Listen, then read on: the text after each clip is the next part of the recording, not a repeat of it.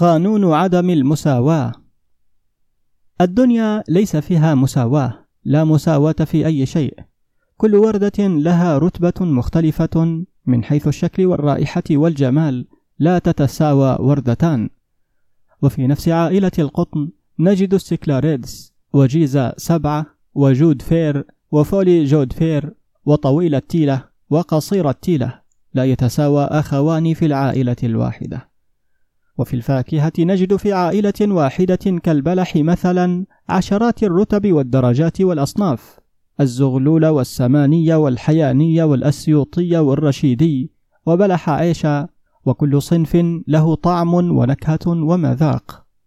وعلماء الحشرات يصنفون لنا من الحشرة الواحدة كالنمل أكثر من ألف نوع وكل أسرة من أسر النمل يقولون لنا أن فيها أكثر من مائة مصنف ومصنف.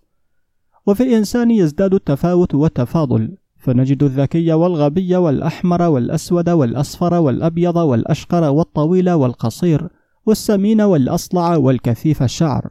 ونجد من يولد بحنجرة من ذهب ومن يولد بحنجرة من خشب ومن يولد جميلا ومن يولد قبيحا. بل إن كل إنسان يحمل بصمة إصبع مختلفة وكل إنسان هو رتبة في ذاته. كل إنسان يتسلم لحظة ميلاده بطاقة تموين وإذن صرف وثروة من المواهب والتسهيلات خاصة به. وأكثر من هذا يولد كل مولود بعدد من خلايا المخ محدود غير قابل للتجدد أو التكاثر.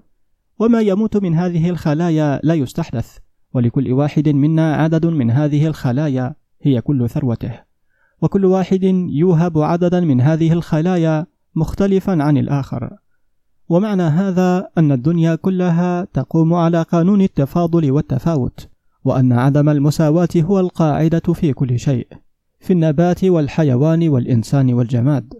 حتى الجماد كل مادة فيه لها بلورتها الخاصة ولها وزنها الذري ووزنها الجزئي ولها هندستها الخاصة في توزيع الإلكترونات وعددها. لا مساواة على الإطلاق. هكذا أراد خالق الكون لخلائقه. هو أراد لحكمة يعلمها أن يخلقنا درجات ولعله خلق فينا القوي والضعيف ليختبرنا وليظهرنا على نفوسنا. هل يأكل القوي الضعيف أم يحنو عليه ويعطف عليه ويساعده؟ هل يدرك القوي أن قوته من الخالق وأنها هبة بأجل وأن مصيرها الزوال؟ لو أدرك هذا فإنه سيكون المؤمن الذي يوظف قوته لنجدة الضعيف لأنه يعلم أنه سيصبح يوما ما أضعف منه. أم أنه سيخيل إليه أن القوة قوته هو والعنفوان عنفوانه هو ويمضي يضرب باليمين وبالشمال. لو فعل هذا فهو الملحد المنكر الذي لا يتصور وجودا لقوة أعلى منه. والواقع أن الفرق بسيط فرق شعرة. بين أن تحس بأنك قوي وبين أن تحس أنك وهبت هذه القوة وأن قوتك عطية ومنحة. ولكن هذا الفرق البسيط هو فرق هائل بين عقليتين وبين سلوكين وهو مفرق الطريق بين الإيمان والإلحاد. ويبدو أن الدنيا هي الفرصة التي أتاحها الخالق لمخلوقاته لتختار طريقها بالفعل ليظهرنا على نفوسنا ويعرفنا على حقيقتنا. وهو يعلم من البداية استحقاق كل واحد منا وقيمته ولكن نحن لا نعلم.